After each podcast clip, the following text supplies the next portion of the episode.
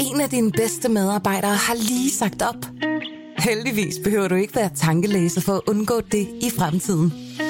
WinningTemp indsamler data gennem hyppige og anonyme medarbejderundersøgelser, så du lettere kan mærke pulsen på dine medarbejdere og støtte der, hvor der er behov. Kunder som Alfa Laval, Orkla og Volvo bruger allerede WinningTemp og ser, at det øger trivsel, reducerer turnover og hjælper med at fastholde talenter. Få gratis gennemgang allerede i dag på winningtemp.com. Du lytter til Radio 24-7. Og den original taleradio. Velkommen til Hitlers Æseløer med Jarl Kortua.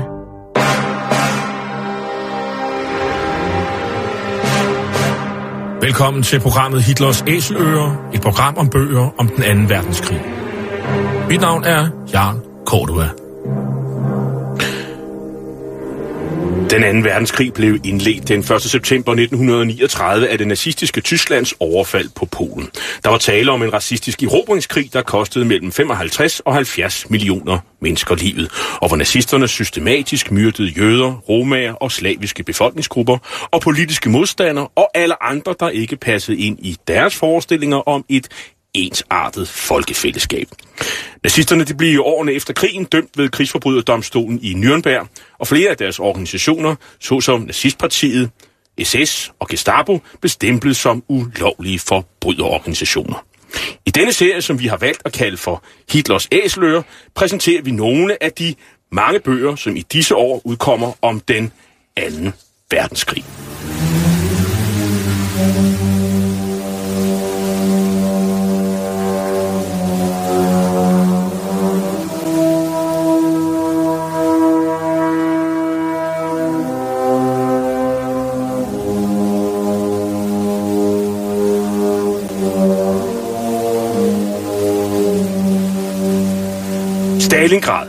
Alene navnet har en helt særlig klang.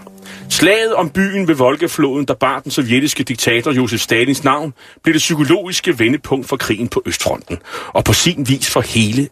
verdenskrig.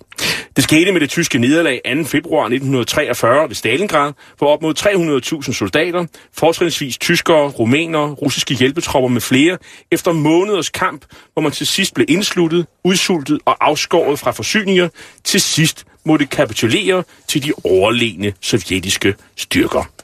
Men bare et par måneder tidligere så situationen bestemt ikke sådan ud, set fra Tysklands fører Adolf Hitlers position. Her taler han den 8. november 1942 i Löwenbräu-kælder i München om en ganske særlig by. Sondern ich wollte zur Wolga kommen. An einer bestimmten Stelle, an einer bestimmten Stadt. Zufälligerweise trägt sie den Namen von Stalin selber, aber denken Sie nur nicht, dass ich deswegen dort losmarschiert bin. Die könnte ja auch ganz anders heißen, sondern nur weil dort ein ganz wichtiger Punkt ist. Dort schneidet man nämlich 30 Millionen Tonnen Verkehr ab. Darunter fast 9 Millionen Tonnen Ölverkehr. Dort fließt der ganze Weizen zusammen aus diesen gewaltigen Gebieten der Ukraine und des Kuban-Gebietes, um nach dem Norden zu trans transportiert zu werden. Dort ist das Manganerz befördert worden. Dort war ein gigantischer Umschlagplatz. Den wollte ich nehmen. Und wissen Sie, wir sind bescheiden. Wir haben ihn nämlich. Es sind noch ein paar ganz kleine Plätzchen noch da. Nun sagen die anderen, warum kämpfen Sie da nicht?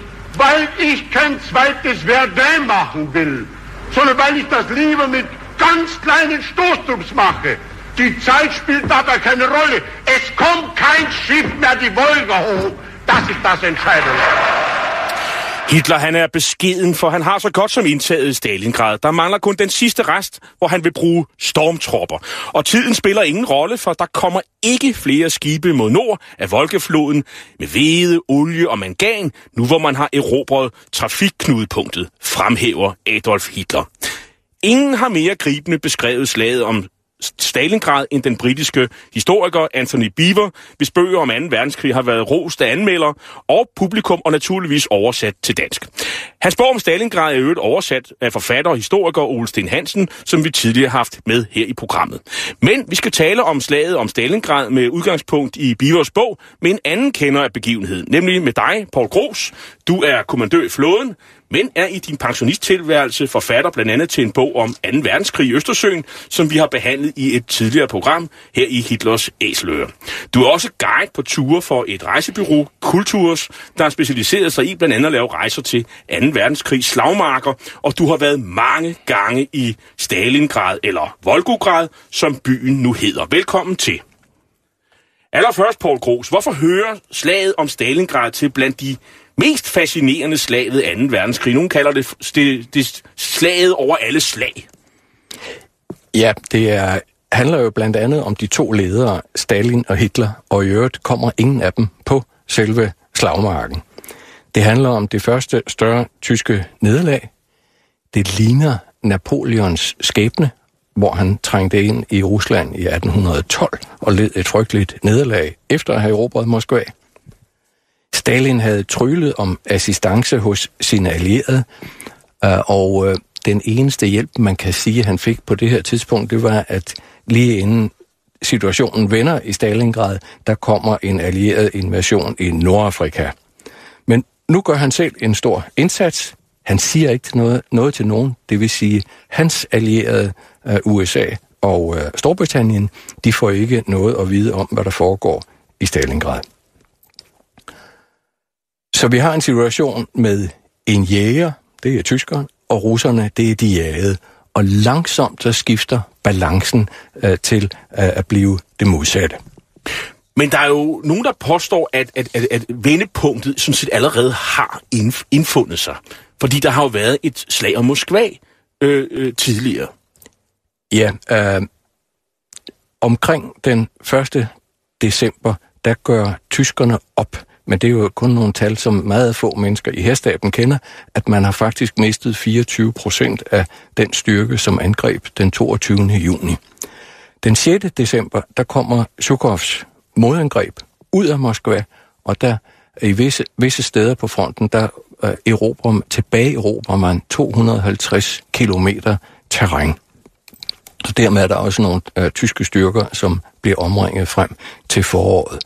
Men manden, der foretager det her modangreb, det er sejrherren fra en kamp ude mod de japanske styrker i 1939, en general, der hedder Shukov, og han udnytter vinteren, og, og han har vinteren som allieret, og tyskerne er ikke forberedt på vinteren. Krigen skulle have været sluttet inden. Øh, det paradoxale på den tyske side, det er, at nummer to i den tyske her, en generalløjtnant, som hed Paulus, han øh, foreslår Hitler, at man anskaffer vinterbeklædning til den tyske her, og det bliver afslået af Hitler, fordi krigen er jo færdig, inden vinteren kommer. Og det går så ud over Paulus i den følgende vinter, at hans tropper ikke har vinterbeklædning. Fordi han blev chef for den 6. armé, ja. som er nem, nemlig det, der, der får den her frygtelige skæbne ved Stalingrad. Men hvad er det, hvad er det nu, nu snakker vi om Anthony Beavers bog, øh, Stalingrad her, og det, det er ligesom den, øh, vi, vi taler ud fra, vi har begge to læst den, og, og det er en bog, som mange danskere har læst. Hvad, hvad er det, der gør Anthony Beavers skildring af Stalingrad specielt med, med nogle korte ord? Beaver er en god fortæller. Han har et overblik, så han fortæller både den store og den lille historie. Så i den her beretning, der får vi alle de små drejninger, der vender den tyske succes til en tysk katastrofe. Det kommer meget langsomt, og så der er to parallelle historier. Der er den tyske modgang og den sovjetiske medgang. Og så får vi også både tysk propaganda og sovjetisk øh, propaganda mere eller mindre afklædt. Men han har et politisk overblik, han har et strategisk overblik, og vi hører situationen fra marsialerne og helt ned til, til de menige. Hvad er det, Hitler han vil opnå med at, at, at, at gå imod Stalingrad? Øh, er det hans egen idé? Altså, hvad er hans mål? Vi hører ham selvfølgelig sige, at det er et vigtigt trafikknudepunkt, og, og, og, og hvad er det så for en, en strategi, han har tænkt sig at forfølge? Det han gerne vil have, det er, at han, han kan bruge Rusland til at forsyne et stort Tyskland med uh, råstoffer og med fødevarer. Så han vil gerne have uh, den vestlige del af Sovjetunionen, og han vil erobre et område, der går fra Arkhangelsk op i Ishavet og ned til Astrakhan ved det Sorte Hav. Uh, og så vil han jo så gerne have oliefelterne ved Baku, fordi uh, Tyskland har ikke naturlige olieforekomster. Hvad er det for nogle tropper, han har tænkt sig at bruge? Ja, han angriber med en styrke på over 3 millioner mand den 22. juni 41, og det han regner med, det er med en hurtig krig, så kan han, hvis man sparker døren ind, det er hans øh, øh, forklaring, så falder hele det kommunistiske hus sammen. Så han vil lave et noget blitzkrig. Man vil undgå stillingskrig, øh, ligesom under 1. verdenskrig, med en lynerobring lamme de sovjetiske styrker. Men efter Moskva, hvad er så situationen? Så vender han sig mod Stalingrad. Ja, øh, så vil han gerne dels erobre øh, oliefelterne sydpå, og dels vil han øh, komme helt frem til Volga. Øh, det er sådan en naturlig grænse for det rige, han gerne vil erobre. Øh, der er kun 125 km ned til Astrakhan ved det Sorte Hav. De tropper, han har til rådighed, hvad, hvad er det for nogle tropper? Han har nogle panserenheder, og så har han øh, en øh, øh, armé, 6. armé, og øh, den får så en ny leder øh, øh i 42, og det er så manden, der hidtil har været stabschef i, i hæren, øh, Friedrich Paulus. Og det, man venter på, det er Rasputitsa-sæsonen, det vil sige muddersæsonen fra foråret. Den slutter, så man kan genoptage kampagnen. Det er også det, man venter på op omkring Moskva. Øh, uh, Zhukov erobrede de her 250 km hist, men, men man nåede ret langt ind på det tidligere tyske område, men så går al krigsførelse i stå, så man kan ikke slås fra marts og så frem til maj måned. Når det begynder at tørre ud igen, og vejene er nogenlunde tørre, øh, så kan man øh, fortsætte krigen. Det er en muddersæson, og den er der, dem er der sådan set to af, det her Rasputitsa. Det betyder tiden uden veje. Og når de bliver oplødt, at tyskerne havde forregnet sig lidt med øh, infrastrukturen i Sovjetunionen. Man havde regnet med, at der var asfalterede veje, det var der kun i byerne. Resten, det var grusveje, jordveje, og de bliver altså opblødt de her to gange om året. øh, om foråret, øh, når øh, tøen kom, og der er en stor regnsæson i efteråret, inden frosten sætter ind. Men det er jo ikke kun tyske soldater, der er med i den her kampagne. Der er jo også øh, enheder fra Italien, og, og, fra Kroatien. Og Rumænien. Øh, navnlig. Og Ungarn. Ja, så de, de støtter øh, især øh, den sydlige del af, af øh, Østfronten. Hvorfor er, de med? Hvorfor er de med? Uh, fordi uh, man er jo nok overbelastet uh, fra den tyske her, i det man jo altså har besat uh, Norge, Danmark, uh, Holland, Belgien uh, og hele Frankrig er besat uh, på det her, uh, eller bliver besat på det her tidspunkt i slutningen af, af 42.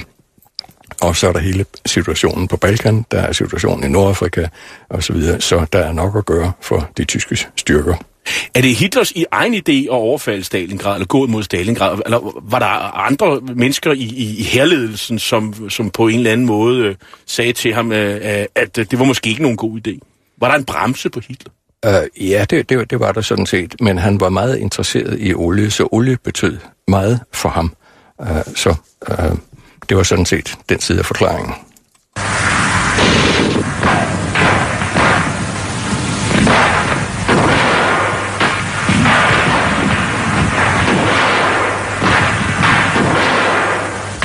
In dem Straßengewirr von Stalingrad tobt die Schlacht weiter.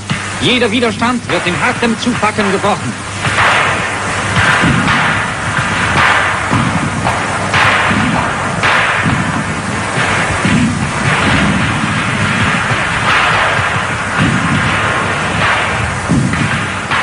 Hvor tæt er Tyskland på at erobre hele Stalingrad, på Gros? Ja, de har faktisk erobret hele Stalingrad. Det er nogle meget, meget få områder. Øh, et af kortene i Bivers bog angiver frontlinjen den 12. Øh, september og den 30. Og det skrider meget voldsomt. Det sker utrolig meget omkring den 12. september. Men uh, i perioden fra den 12. og til den 30. der bliver russerne trængt helt tilbage til flodbredden. Uh, den 13. der skifter øh, hovedbanegården, den skifter ejermand tre gange. Og inden for en periode på 10 dage, der skifter øh, hovedbanegården ejermand 15 gange. Der bliver kæmpet virkelig voldsomt øh, i gaderne. Og det er nogle ganske små områder, som er tilbage, som bliver holdt.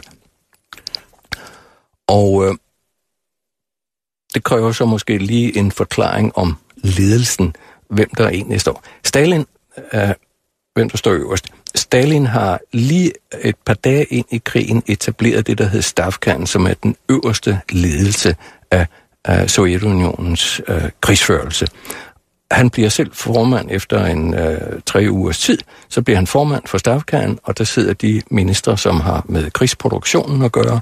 Der sidder hans forsvarschef øh, og nogle af øh, marshallerne, øh, om at det er de generaler, undskyld, på det her tidspunkt, og øh, flådechefen, og der er flyvergeneraler, og så er der Beria fra NKVD.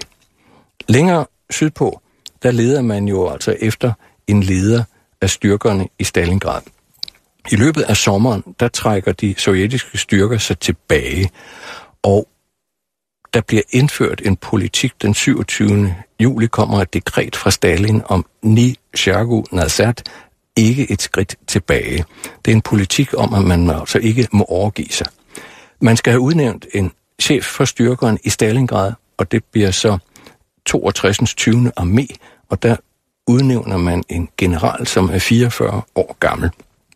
Han bliver sat til, hvad vi kan kalde en ansættelsessamtale hos den politiske kommissær, som hedder Khrushchev, øh, og hos øh, generaloberst Jeremenka. Og Khrushchev, det er ham, der senere hen blev leder af Sovjetunionen. Ja, og de spørger ham, om han har forstået, hvad det er, den her operation går ud på. Ja, siger Tuikov, vi skal øh, forsvare Stalingrad eller dø under udførelsen af opgaven. Og det var det rigtige svar, så han fik opgaven, og han blev så chef for de styrker, som står på vestbredden af Volga, helt frem til den øh, omringning, som vi kommer til lidt senere. Hvad, hvad var det Tjukov, hvad var det for nogle egenskaber, han havde? Altså ham, der blev chef for 62. Øh... Han var ualmindelig hård. Altså en rigtig hård leder. Det var vel også nødvendigt? Det var nødvendigt.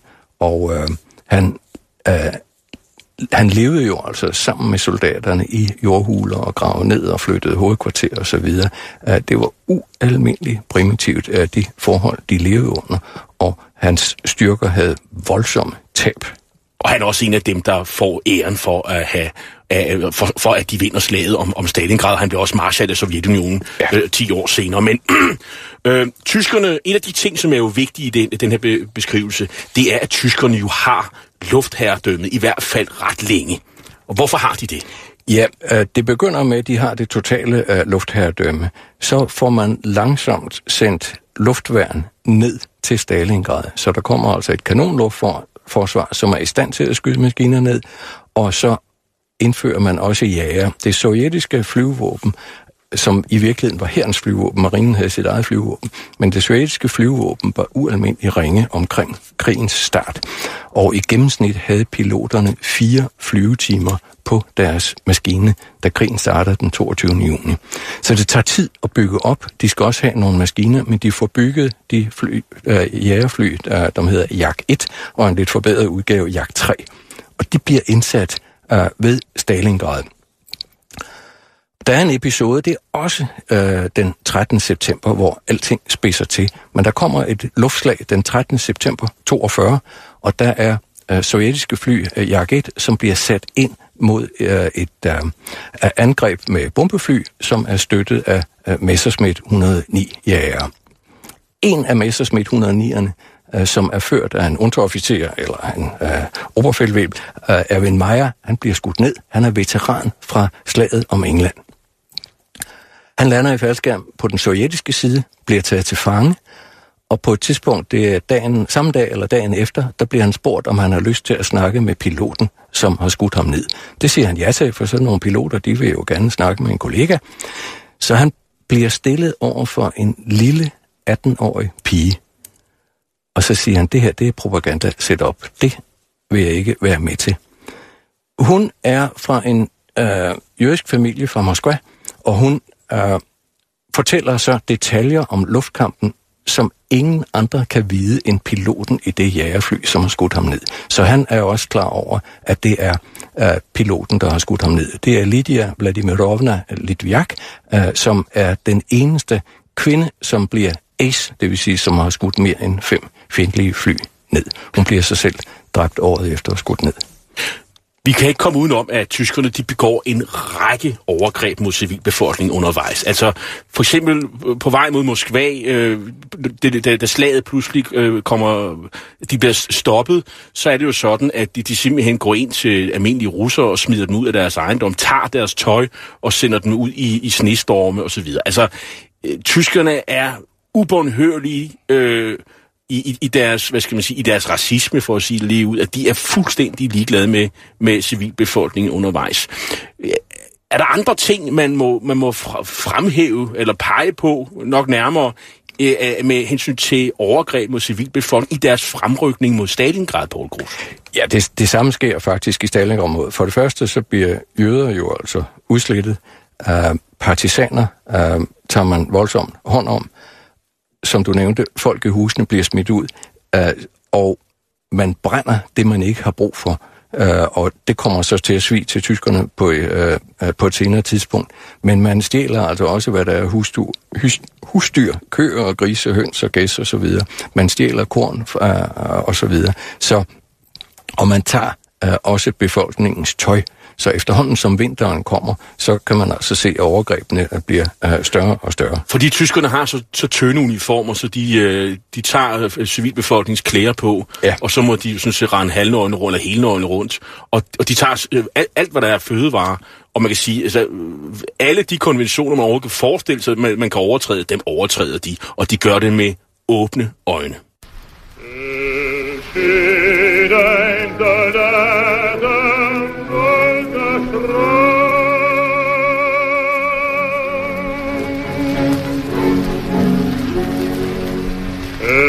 Der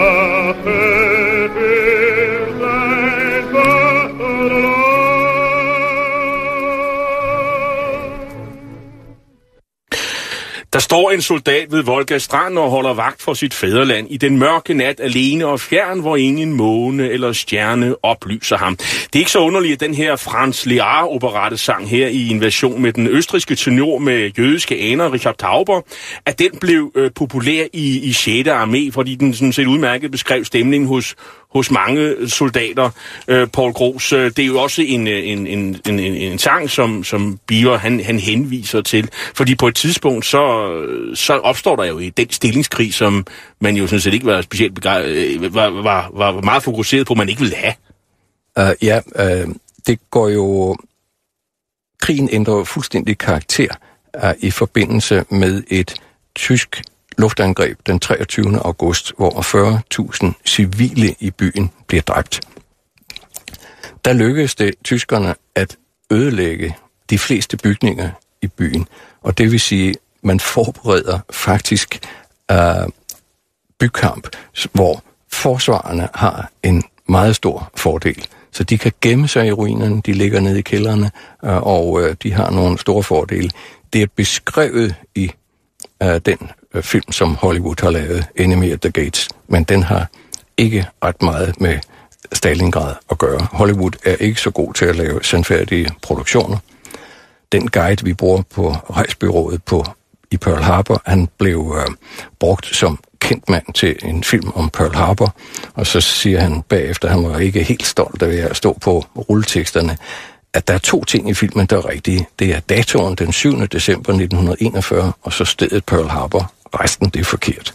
Men alligevel, så er der er jo en stillingskrig, øh, og der er jo myterne, og der er specielt øh, myterne om, om skarpskytterne, blandt andet øh, Seitzev, som var en af de her skarpskytter. Han var ikke den, der skød flest tysker, men, men øh, der er jo noget om, om, om den øh, skal man sige, konfrontation. Øh, øh, I filmen er det jo sådan, at det, der er en tysk officer, som, som, hvor de ligesom har et, et battle, øh, de to imellem.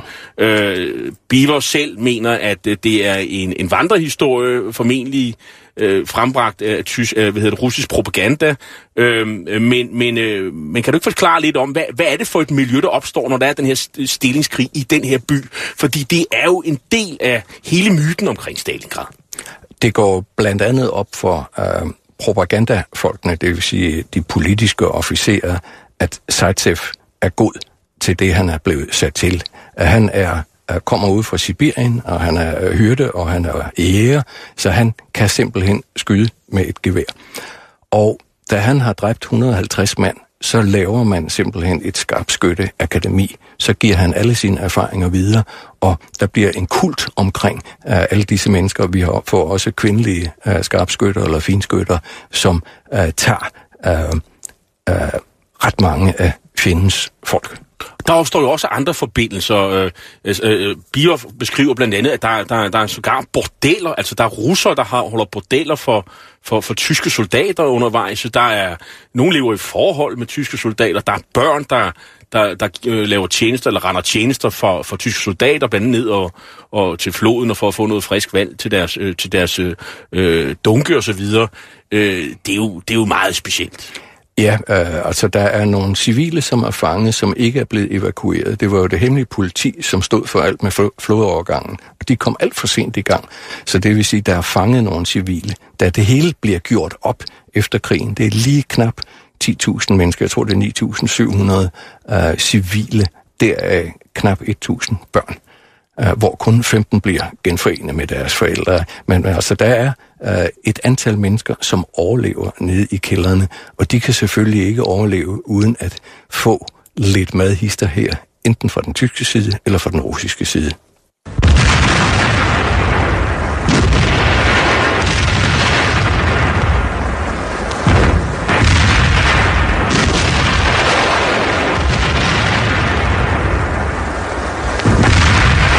Leuchtkugeln. Die Spitze unserer Stoßtrupps ist bereits in die Vorstädte eingedrungen und gibt Leuchtsignal.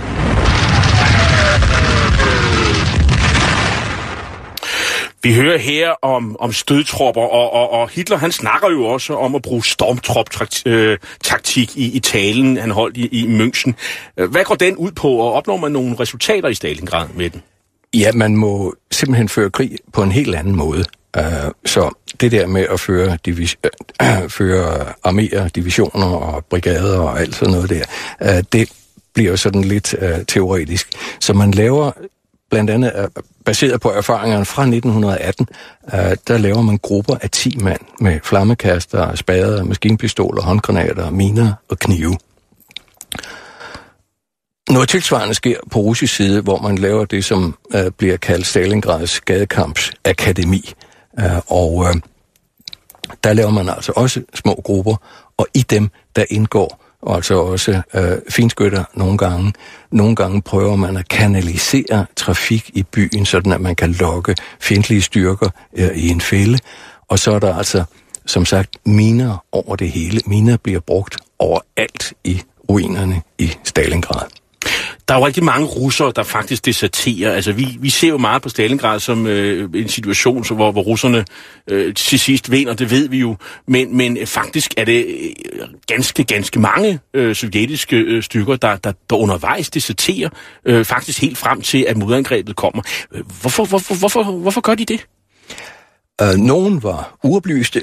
Der var jo en meget hård disciplin uh, i den russiske her.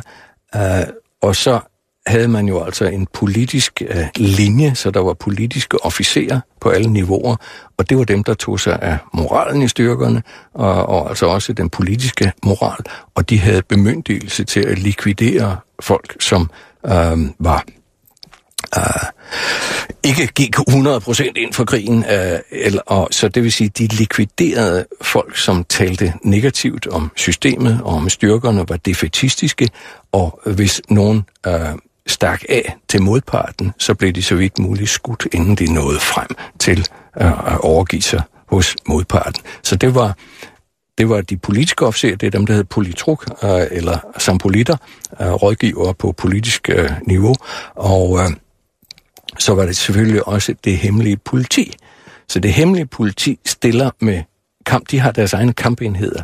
De stiller med bagstopper ved fronten. Så når man laver et angreb, for eksempel med sovjetiske styrker, så er der NKVD-tropper om bagved, som sikrer sig, at der er ingen, der stikker af fra fronten. De har maskingevær rullet op, som man for eksempel også så i Enemy at the Gate, så hvis folk løber tilbage igen, så bliver de simpelthen øh, meget ja. ned af deres ja. egne...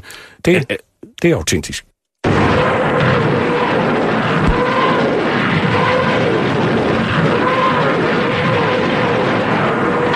Det vi hører her, det er tysk artilleri, de såkaldte Nebelwerfer. Fordi den 11. Øh, november, der, der finder Paulus, altså den tyske kommandant, øh, sidste angreb sted. Øh, hvad har man tænkt sig? Øh, hvordan ender det, og hvorfor? Paul Grus. Vinteren er langsom ved at komme. Den er ikke blevet alvorlig på det her tidspunkt, men det kniver med forsyningerne til tyskerne, så de er ved at løbe tør for artilleriammunition, og det er russerne til gengæld ikke. Uh, Tuikov, han har måtte efter, han måtte færge de fleste af sit uh, kanonerne over på den anden side af Volga. Men det gør ikke så meget. Så længe han har forbindelse tværs over floden, så kan han påkalde ild fra østsiden, og så kan man skyde på mål.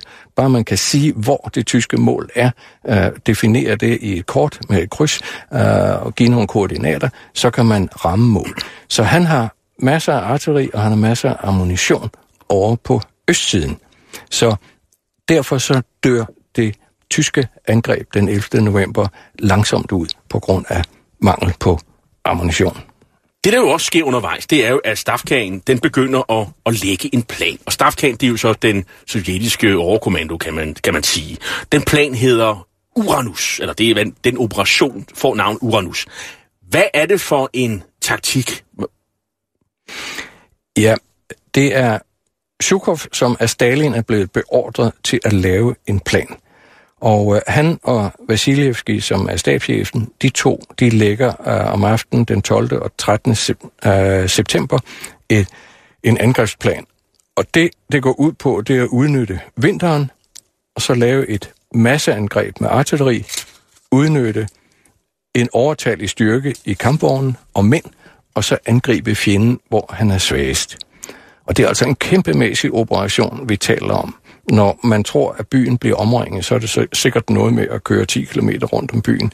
Øh, det her, vi snakker om, det er et angreb 150 km væk fra Stalingrad. Der starter man omringningsoperationen og har 1200 fabriksnye kampvogne, som er gemt væk i det, der hedder Balkær. Der er nogle geologiske der er, øh, ting og sager, der er sket på øh, vestsiden af floderne, at der er nogle store balkager, det vil sige kløfter, og der kan man gemme ting og sager i. Så rumænerne vidste godt, at der skete et eller andet, men de kendte ikke omfanget af, hvad det var, der skete. Og de var i øvrigt underforsynet med panserværns kanoner. Så det interessante er jo, at uh, Tjujkov inde i Stalingrad, han er faktisk uh, holdt uvidende om det Han får ikke noget at vide. Og det vil sige, at man kan vel godt sige, at Stalingrad er ligesom byttet i fælden. Det er det bytte, som man, man, man, under, man ikke heller ikke ligefrem under- eller overforsyner Stalingrad med våben og ammunition og, og forsyninger. Tyskerne skal tro på, at de er meget tæt på at, at vinde og, og erobre Stalingrad. Товарищи, тяжело приходится оправдывать сегодня 24-го годовщину Октябрьской революции. Перелом был нападение du lytter til Hitlers Æseløer på Radio 24 /7. Et program om bøger om 2. verdenskrig med Jarl Kortua.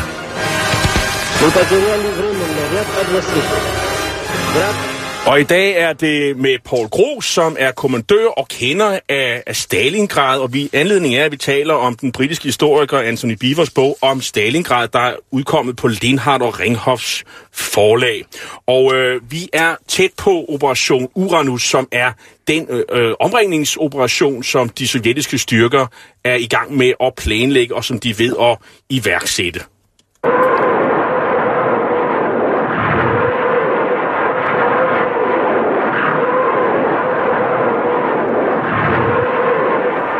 Det vi hører her, det er de såkaldte Katusha-raketter, som over hos øh, de tyske tropper hedder Stalin-orgler. Fordi nu indleder Sovjet øh, operation øh, Uranus. Hvordan går det egentlig på slagmarken for de sovjetiske styrker, Paul Gros? Operation Uranus starter tidligt øh, om morgenen den 19. november. Det er lidt tåget. Og så laver man artilleriforberedelse. Alt, hvad man har af kanoner øh, på øh, de to fronter, som hedder Donfronten og Stalingradfronten, de åbner ild, og det var 80 minutter, hvor man dynger fjenden til med artilleri. Og det er, er rumænske enheder. Så udnytter man morgentogen, man sætter, sender mineryddere frem til at rydde øh, minefelterne, og så ruller kampvognene øh, frem i området, altså som sagt 150 km øh, rundt om Stalingrad. Så de to fronter, de åbner ild den 19. november, og så længere sydpå, øh, øh, der har vi så øh, øh, styrkerne, der åbner ild den 20. november, og den 22. november, der lykkedes det at erobre en intakt bro, faktisk ved en krigslist øh, med en oberstløjtnant Filipov, som når frem på vestsiden af Don, og der øh, lader han som om han er tysk, kører over med lys på øh, køretøjerne og øh, overmander vagterne og erobrer broen, før den bliver sprængt. Og han bliver selvfølgelig helt af Sovjetunionen. Og den 23. november, der får vi så afslutningen af selve omringningen. Så Stalingrad er omringet den 23. og det er der måske mange, der har set på film, men det er et falsum, fordi øh, folkene fra propagandaafdelingen, de havde ikke film med kameraet der, som to dage efter, der måtte man gentage hele seancen for men en, en af de ting, som jo er vigtige her, det er, at, at tyskerne reagerer ret trægt. Øh, og, og, og sent faktisk. Det går faktisk sent op for dem, hvad der er, der er gang i. Øh, øh, hvor, hvorfor lader de sig falde i fælden, Paul Grus? De har glemt at organisere en hurtig reaktionsstyrke. Man regner med, at man kan kæmpe sig ud af det her, og øh, det, er, er, det er ikke noget særligt. Og man har jo altså en panserarmé stående øh, sydvest for byen, så det burde ikke være det helt store problem. Så det er de første tanker, der går. Det her, det er, er der ikke noget problem ved. Men alligevel, i, øh, men, men Paulus får jo set at vide, at der er noget i gang, og man får også set at vide, hvis man siger, øh, i, ved, øh, i, i, i hovedkvarteret hos Hitler, at, at der er noget er i gang. Altså, der, der er jo en, en træhed. Øh, er der ikke? Uh, jo, uh, det, det er ligesom om alle øh, lader som om, det er ikke noget særligt. Og, og det er først en uge tid senere, at det går op øh, for dem, at det er faktisk rigtig alvorligt. Og der får de også omfanget af det. Russerne får jo heller ikke noget at vide, så de fleste russiske soldater øh, ved ikke ret meget om den her operation.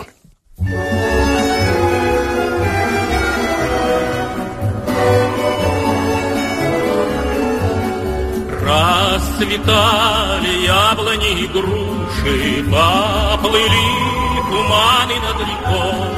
Выходила на берег Катюша, на высокий берег, на крутой.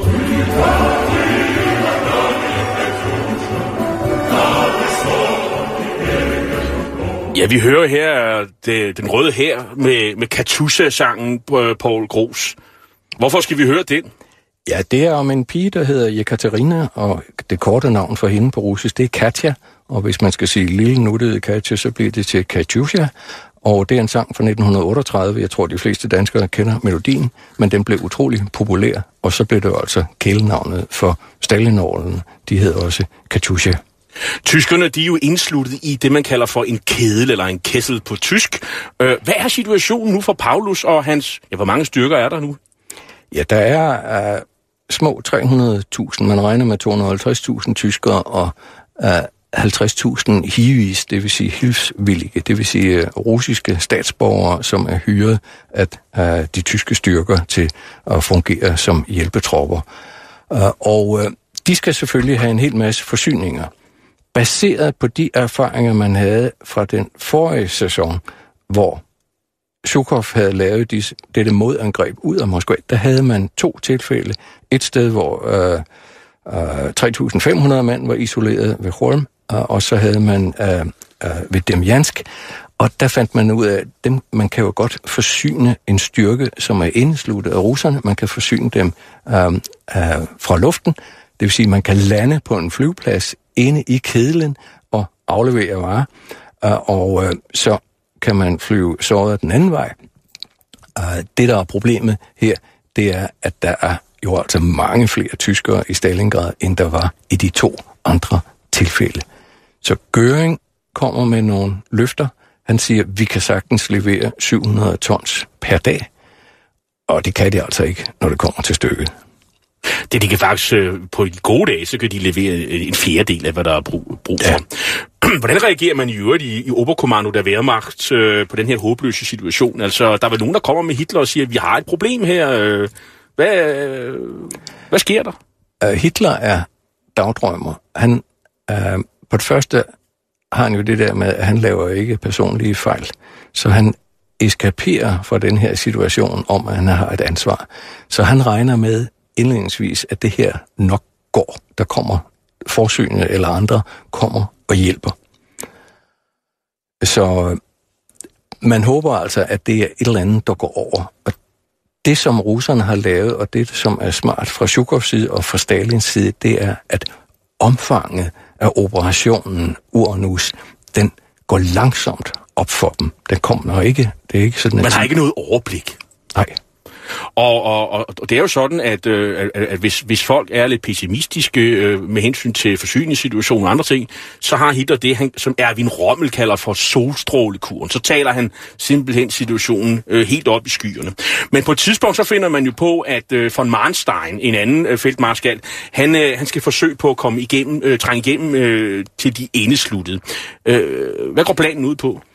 Ja, man har en plan, som hedder Wintergewitter, øh, som går ud på at angribe fra sydvest øh, øh, og øh, mod nordøst, og der vil man så øh, trænge igennem med kampvognen. Man er cirka 120 km øh, fra øh, øh, Stalingrad centrum, og så vil man trænge ind, og så kan man øh, få alle øh, Paulus' styrker ud af byen. Det vil Hitler ikke være med til. Han vil ikke evakuere Stalingrad. Nu har han kæmpet så voldsomt, synes han selv, for at få byen. Og selvom byen ikke er noget værd, det er en ruin, håb, øh, så øh, vil han ikke øh, lade Stalin stå med den øh, triumf, at, at byen er blevet evakueret for tyske styrker. Og, og Simon von Marnsteins forsøg på at trænge igennem, det mislykkedes. Ja, øh, det var lidt før det går op for russerne, hvor alvorligt det er. Men så kaster man anden gardearmé med Malinowski som chef. Nogen kan huske ham som, som øh, forsvarsminister under Kubakrisen, men det er en meget brysk herre.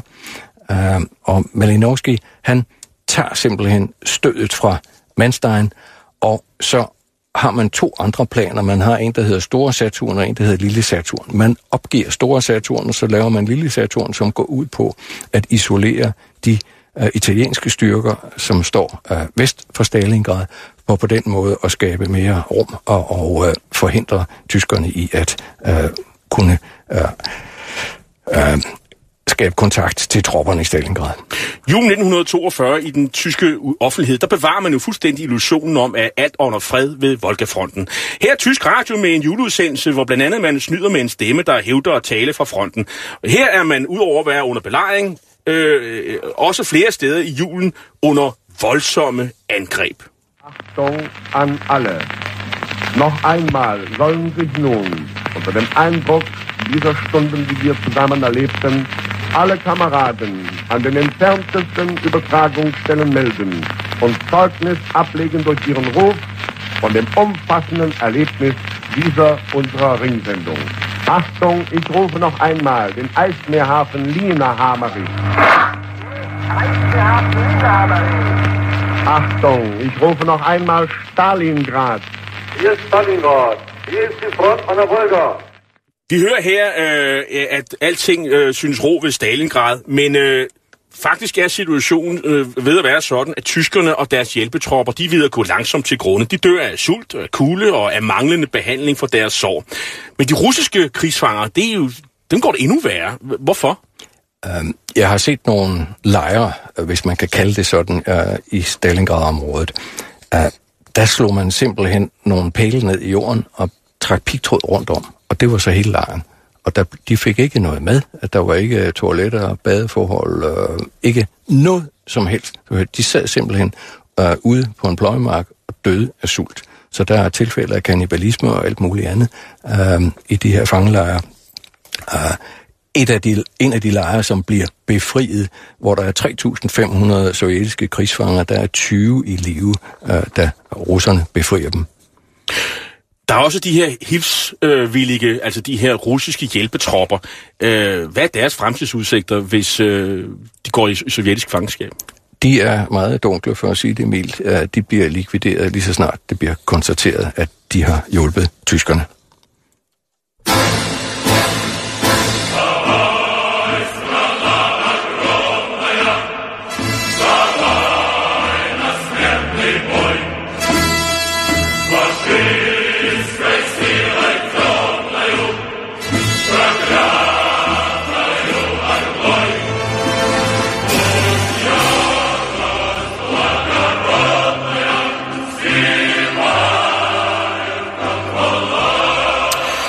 Det sovjetiske angreb, øh, det endelige angreb, det finder sted den 10. januar 1943 i det, man kalder for Operation Ring eller Kolso på, på, ja. på russisk. Hvad er det, russerne foretager sig med det her angreb, og, og hvad har tyskerne stået med, i, imod med på det her tidspunkt? Ja, den 10. januar, der har Stalin befalet, at, uh, generaloberst Rakosovski, uh, som øvrigt er polak af fødsel, uh, han skal iværksætte Operatia Kalsor, uh, Øh, og det er omringningsoperationen. Så med i den oprindelige ordre fra 12. 13. september om, at man skal lave en omringning, der er også punkt 2, styrkerne i Stalingrad skal udslettes. Det skal være så billigt som muligt, altså det vil sige, hvis man kan få tyskerne til at overgive sig, så vil det være fint. Og der kommer Hitler jo så ind og siger, at overgivelse ikke er, er på tale. 16. januar, der må man i Tyskland indrømme, at Stalingrad er belejret. Paulus, han, øh, han kapitulerer jo ikke. Hvorfor? Altså, for inden her, der har han jo også fået ordre fra, fra Hitler blandt andet at sige, at, at Stalingrad skal være en, en fæstning, og han er blevet, også blevet overdynget med forfremmelser og, og ordner, Paul Kruse. Det er helt klart fra Hitlers side, at de skal kæmpe, og Hitler drømmer måske selv om, at der kommer nogen og redder dem. Men han kører altså lidt på fantasier, og Hitler har ikke fattet de problemer, der er omkring logistik. Så det siger ham ikke noget, at divisionerne jo altså ikke har 17.000 mand mere, nogle af divisionerne er nede på 400 mand, øh, at de ikke har øh, brændstof til deres køretøjer, at de ikke har ammunition til deres kanoner. Alt det der, nægter han simpelthen at høre på. Han, han, han ved ikke, hvad man siger, de der forudsætninger er for at føre krig. Og nu når vi frem til den 30. januar, øh, og det er selve årsdagen for Hitlers magtovertagelse i 1933. Der kan man pludselig høre Hermann Göring i tysk radio sammenligne de indsluttet i Stalingrad med oldtidens spartanere ved slaget om Thermopylæ, og i øvrigt hele mo- mytologien fra Wagners Nibelungens Ring. Stalingrad. Der Kampf um Stalingrad heraus. Es wird dies einmal der größte Heroenkampf gewesen sein, der sich jemals in unserer Geschichte abgespielt hat. Was dort jetzt unsere Grenadiere, Pioniere, Artilleristen, Flakartilleristen und wer sonst in dieser Stadt ist, vom General bis zum letzten Mann, wer da jetzt kämpft gegen eine gewaltige Übermacht, um jeden Block, um jeden Stein, um jedes Loch, um jeden Graben, immer wieder kämpft, ermattet, erschöpft. Wir kennen ein gewaltiges, heroisches Lied von einem Kampf ohne Gleichen. Das hieß der Kampf der Nibelungen. Auch sie standen in einer Halle von Feuer und Brand. Og det hele det efterfølges af sørgemusik fra ansatsen af Adagio Anton Bruckners 7. symfoni med dirigenten Wilhelm Furtwängler og Berliner Philharmonikerne.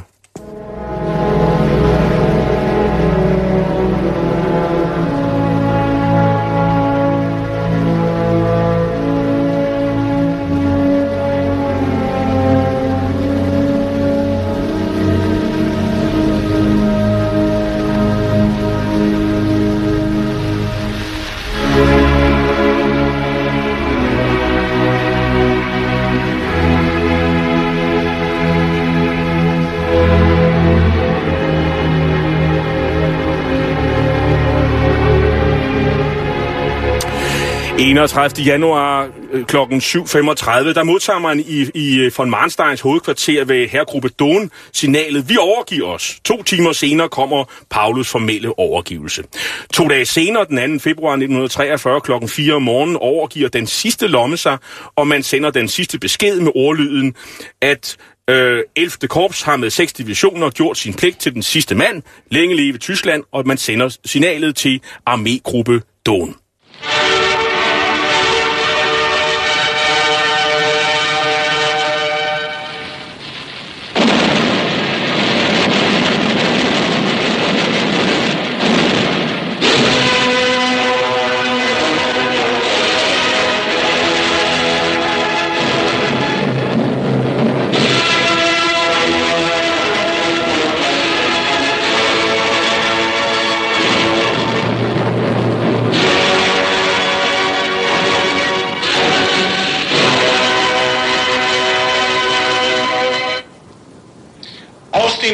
Hauptquartier 3. Februar 1943. Das Oberkommando der Wehrmacht gibt bekannt. Der Kampf um Stalingrad ist zu Ende. Ihrem Fahneneid getreu ist die 6. Armee unter der vorbildlichen Führung des Generalfeldmarschalls Paulus der Übermacht des Feindes und der Ungunst der Verhältnisse erlegen. Ihr Schicksal Tysk radio melder 3. februar 1943, at kampen om Stalingrad nu er øh, øh, øh. Det er, de er simpelthen slut. Paul Gros, vi kan gøre regnskabet op. Hvad, hvad mister Tyskland på den konto? Det er enormt i omfang og konsekvenser for Tyskland. Uh, for det første kan vi sige, at både Hitler og Göring og Goebbels de bliver afsløret, både for omverdenen, men altså også for den tyske befolkning. For hele øh, det besatte Europa, der er det en meget velkommen nyhed øh, til alle modstandsbevægelser, og ikke mindst kommunisterne i, i øh, de besatte lande i Europa. Og militært, der betyder det jo sådan set, at der kan vi også direkte bruge det som et vendepunkt, for fra det her tidspunkt, der går tyskerne baglæns mod Berlin indtil maj 1945. Og ingen russiske soldater er i tvivl om, at, øh, at Rusland vil vinde, og der vil, så, det vil så også slutte med at desertere. Soldaterne på hospitalerne øh, i Rusland, øh, de havde det altså også meget bedre det øjeblik, hvor de kunne skrive hjem, at nu har der altså nyttet noget, at nu er det, øh, nu er det os, der bestemmer kampene. 130.000 blev taget til fange, men øh, til indegør 6. armé og 4. panserarmé og fire allierede øh, arméer. Man regner med, at hele Stalingrad-operationen koster Tyskland og dets allierede en halv million døde. Men for Rusland er det jo også lidt af en udskrivning. Altså, om, der dør faktisk, alene dør en halv million mennesker. Paul Gros, øh, materielt øh, taler vi også om, om, om store tal. Øh, 488 transportfly øh, mister tyskerne, plus 1000 besætningsmidler. Det, besætningsmedlemmer, det er altså piloter. Men øh, hvad kan man ellers sige om, øh, om omkostningerne øh, for parterne her? Det var øh, jo en, en ændring til moderne øh, krigsførelse. Øh, russerne var ikke særlig gode professionelle, da krigen starter. I løbet af Stalingrad-operationen bliver de fantastisk professionelle. Deres topfolk, dem der bliver udnævnt til marshal og general og frontchefer osv., de er virkelig dygtige alle sammen fra det her tidspunkt. En anden ting, man kunne nævne, det er jo også, at øh, mange af de tyskere, der kommer i krigsfangenskab, de dør faktisk efterfølgende. Altså øh, over 50 procent er, er faktisk døde efter en ganske få måneder. De, ja. de når simpelthen ikke at se foråret. Dels fordi de afkræfter, dels fordi, at øh, de, de sovjetiske myndigheder ikke er interesseret i at, at give dem forsyninger. De er også øh, udulige til det, øh, og der er en masse korruption forbundet med øh, øh, sovjetiske øh, forsyningsenheder. Og, øh, og det er omkring 5.000, der ender med at, at nå hjem til, til Tyskland. De fleste af dem officerer, fordi dem er øh, øh, øh russerne interesseret i at afhøre, så de får nogle øh, bedre øh, forhold. Jeg skal sige tak til dig, Paul Gros. Du er kommandør, militærhistoriker og rejseleder for, at du kom her i dag og talte med mig om Anthony Bivers bog, Stalingrad. Bogen er udkommet på Lindhardt og Ringhoffs, Ringhoffs forlag. Hitlers Æselør er slut for i dag. Og Paul Gros, du skal have det sidste ord. Ja, den vi slutter af med, det er O du Volga, brede Volga, hvem elsker ikke dine breder? Du er stor som havet, bred og stærk og grusom mod dine fjender. I teknikken sad Nikolaj Kik, og jeg hedder Jarl Cordova, og er vært og tilrettelægger programmet. Du kan genhøre dette program og de andre programmer i serien øh, som podcast via radio247.dk. Oh, yeah.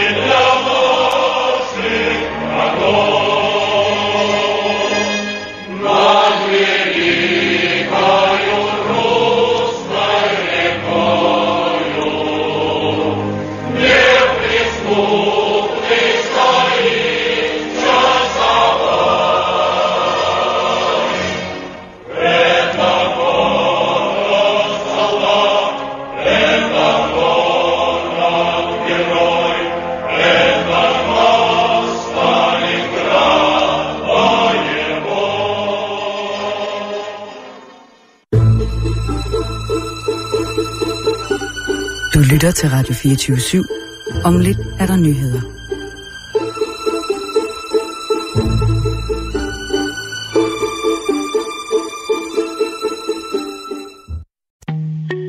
En af dine bedste medarbejdere har lige sagt op. Heldigvis behøver du ikke være tankelæser for at undgå det i fremtiden. WinningTemp indsamler data gennem hyppige og anonyme medarbejderundersøgelser, så du lettere kan mærke pulsen på dine medarbejdere og støtte der, hvor der er behov. Kunder som Alfa Laval, Orkla og Volvo bruger allerede WinningTemp og ser, at det øger trivsel, reducerer turnover og hjælper med at fastholde talenter. Få gratis gennemgang allerede i dag på winningtemp.com.